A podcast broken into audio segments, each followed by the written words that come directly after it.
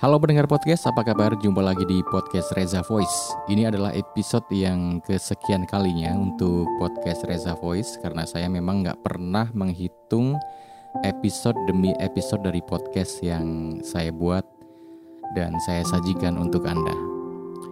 Dan ini adalah episode yang juga bagi saya merupakan sebuah sebuah effort tersendiri setelah sekian lama juga saya nggak pernah mengupdate lagi konten di podcast Reza Voice.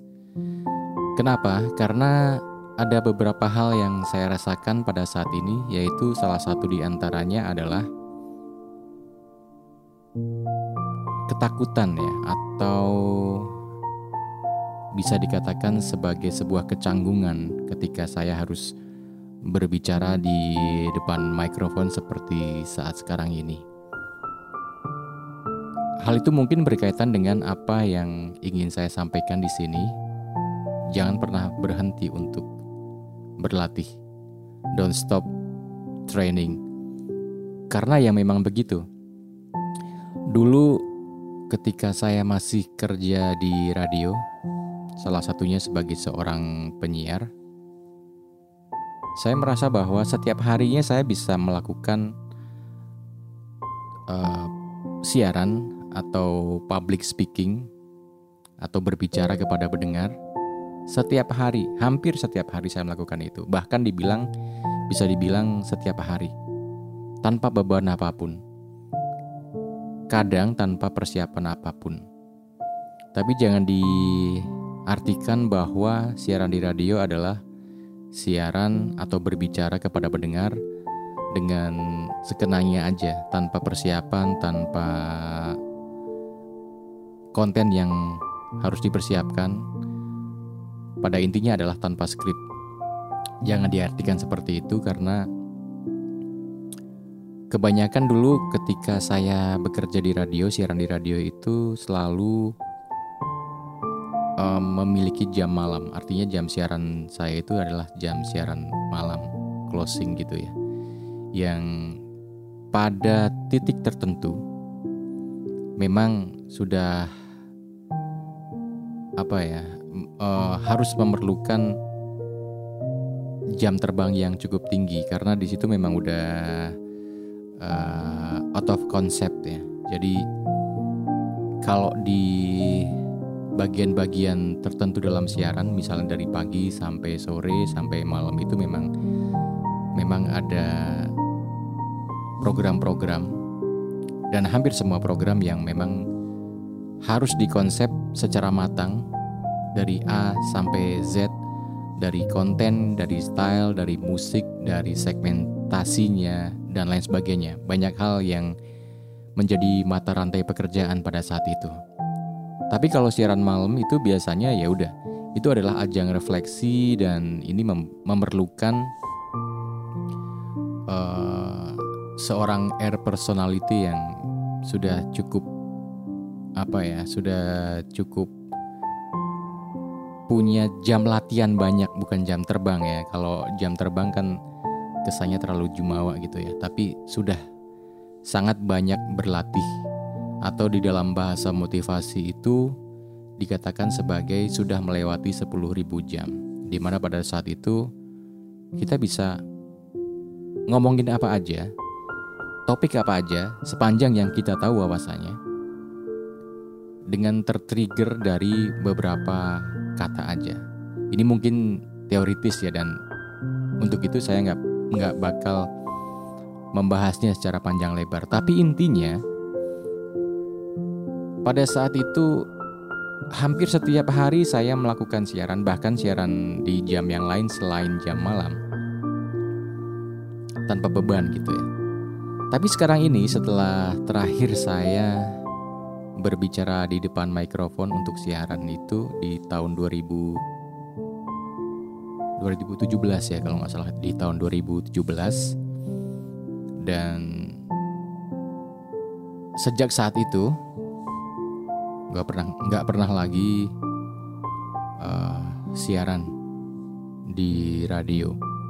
Walaupun pekerjaan saya pada saat sekarang ini adalah pekerjaan yang masih berkaitan dengan hal itu. Saya adalah seorang voice over talent yang bekerja secara mandiri melalui beberapa platform uh, freelancer yang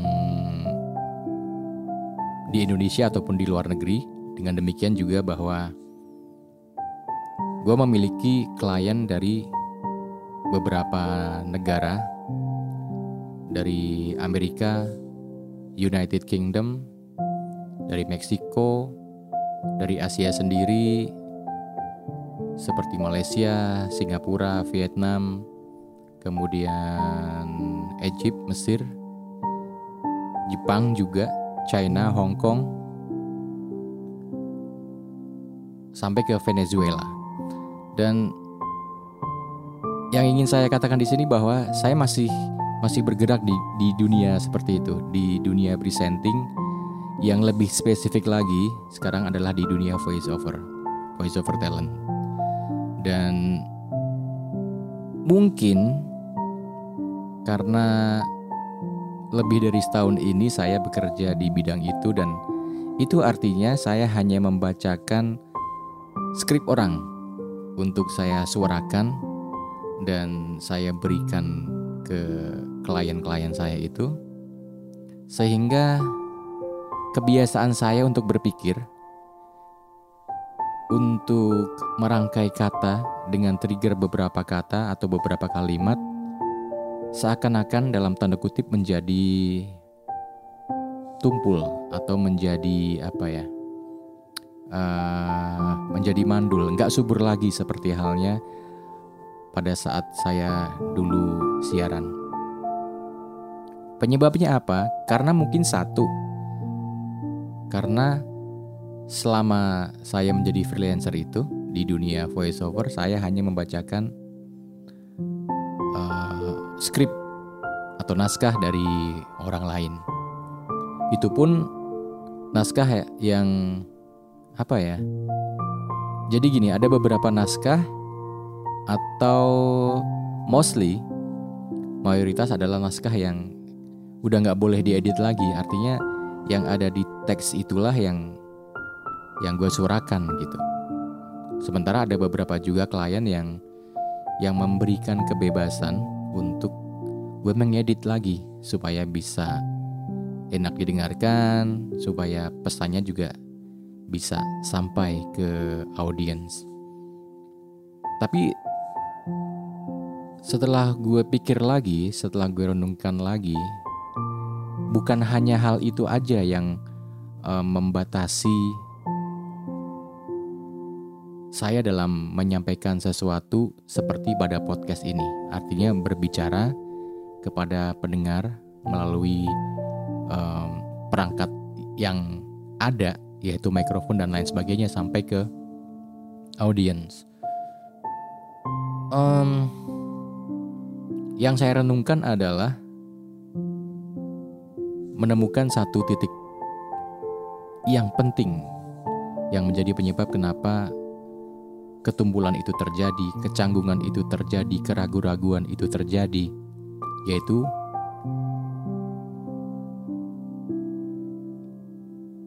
berlatih. Intinya adalah berlatih. Karena dulu saya setiap hari terbiasa melakukan itu maka ya udah ketika ada sebuah tema, sebuah topik yang akan dibicarakan ya saya bisa mengembangkannya dengan sendirinya. Tetapi ketika hal itu nggak pernah lagi dilakukan sekian lama, sekian bulan atau bahkan hidup dalam hitungan tahun, maka hal itu udah nggak menjadi udah nggak sensitif lagi gitu bagi gue dan setelah gue renungkan ini cukup mengganggu ya, cukup cukup memberikan satu pertanyaan, apakah gue udah nggak nggak sesensitif dulu lagi atau gimana? Tapi ternyata setelah gue renungkan, ya udah. Karena gue stop training, berhenti belajar, uh, berhenti berlatih maksud saya gue perlu memisahkan antara belajar dan berlatih karena kalau menurut gue hal itu beda dalam makna secara signifikan. Kalau menurut gue belajar itu adalah uh, kita melakukan sesuatu yang baru dan kita berusaha untuk menjadi bisa. Kalau berlatih bisa jadi kita baru mempelajari atau baru melakukan hal itu, membiasakan diri, atau kita sudah expert di bidangnya, tetapi kita memang harus selalu membuat motorik kita tetap terbiasa untuk melakukan itu. Kayak misal seorang petinju misalnya. Petinju sekaliber Mike Tyson pun atau juara dunia yang lainnya memang harus memiliki jam-jam tertentu, harus memiliki uh, schedule untuk berlatih, schedule untuk membuat kemampuannya itu terjaga dengan baik. Demikian juga musisi, di mana yang gue tahu musisi-musisi papan atas pun ketika bangun tidur misalnya atau, dalam seharinya itu ada ada jam tertentu, ada schedule tertentu di mana dia harus berlatih gitu. Seorang gitaris melakukan fingering, kemudian seorang vokalis melakukan uh, latihan pernapasan, latihan vokal dan lain sebagainya. Demikian juga uh, profesi-profesi yang lainnya yang berkaitan dengan skill dan kemampuan. Hal itu saya dapatkan atau uh, saya rasakan sebagai sebuah kesadaran ketika di samping sebagai seorang freelancer di dunia voiceover, saya juga adalah seseorang yang belajar dan berusaha untuk membuat komposisi musik digital. Melalui digital audio workstation saya melakukan hal itu. Ada kalanya dalam satu hari gue bisa menyelesaikan sebuah komposisi musik. Bisa dari pagi sampai malam atau di siang hari aja atau di malam hari aja. Itu bisa selesai sampai mastering. Ya mungkin ini terlalu apa ya? Kok segampang itu gitu ya. Tapi poin yang ingin gue sampaikan di sini adalah ketika sekian lama gue nggak melakukan itu, nggak bikin musik, nggak bikin komposisi, maka ketika gue memulai lagi satu hal, memulainya pun udah udah malas-malasan gitu, udah ragu, udah canggung. Demikian juga ketika udah memulai membuka laptop, terus bikin uh, beat itu udah udah canggung gitu. Jadi yang gue artikan di sini adalah ketika kita berhenti berlatih maka kita akan kehilangan ketajaman kita dalam melakukan sesuatu yang sebetulnya hal itu adalah menjadi skill yang yang kita bisa andalkan gitu. Jadi siapa pun yang dengar podcast gue hari ini harus dicatat bahwa sehebat apa pun Anda dalam bidang masing-masing, ketika Anda berhenti untuk berlatih, maka tinggal tunggu saatnya bahwa Anda akan kehilangan ketajaman, kehilangan intuisi, kehilangan kecepatan berpikir, kehilangan refleks seperti pada saat Anda masih dalam tahap yang sering berlatih. Jadi ini sih lebih pesan ke diri gue sendiri. Um, sebaiknya kita selalu belajar, belajar, kemudian berlatih lagi, berlatih lagi, berlatih lagi. Mudah-mudahan pesan ini nyampe. Um, di sisi lain, ketika gue masih bekerja di radio dan itu terjadi sebelum era digital gitu. Karena gue mengalami beberapa era nih ketika menjadi seorang uh, penyiar radio. Era yang masih analog, masih manual dengan berbagai macam peralatan ketika kita siaran. Sampai ke zaman digital yang seorang penyiar hanya berhadapan dengan satu komputer. Kita artikan sebagai player aja ya. Satu komputer dan satu mixer yang mengeluarkan atau yang terkoneksi ke sumber suara dari komputer dan dari mikrofon itu aja. Maksudnya gini ketika di zaman analog yang saya ambilkan satu contoh aja deh. Satu contoh ketika kita memutarkan sebuah koleksi musik, sebuah single, sebuah lagu dari seseorang, baik itu solo maupun band. Penyiar di zaman sebelum digital itu sudah terbiasa untuk mengeksplor berbagai hal yang men-trigger dia untuk bicara. Misalnya dari album dari musisi atau penyanyi itu sendiri. Dari situ dia bisa bercerita banyak banget. Satu contoh misalnya ada sebuah album dari Metallica yang dulu judulnya adalah Black Album. Kita bisa bicara itu tanpa harus mencari referensi yang memang pada saat itu juga nggak segampang sekarang mencari referensi. Artinya um, itu kita harus cari sendiri dan kita bisa mengeksplor dari album itu sendiri album yang berbentuk fisik. Karena memang kenapa disebut dark album? Karena memang covernya ya totally black gitu hitam ya mungkin bisa di ini ya bisa apa namanya uh, kenapa hitam karena judulnya black album atau Kenapa judulnya Black Album? Karena covernya hitam. Itu kan uh, sebuah permainan logika yang bisa dibolak-balik gitu ya. Tapi kita tahu bahwa kenapa covernya hitam karena ini adalah Black Album. Itu dari satu sisi kita udah bisa bicara panjang lebar tentang itu. Terus dari um, misalnya sebuah band itu akan selalu band atau solois ya, musisi atau penyanyi. Di cover albumnya itu di samping ada catatan dari lirik lagu yang ada di dalam album itu, juga banyak uh, foto-foto misalnya, foto-foto dari artis tersebut atau informasi-informasi yang lainnya.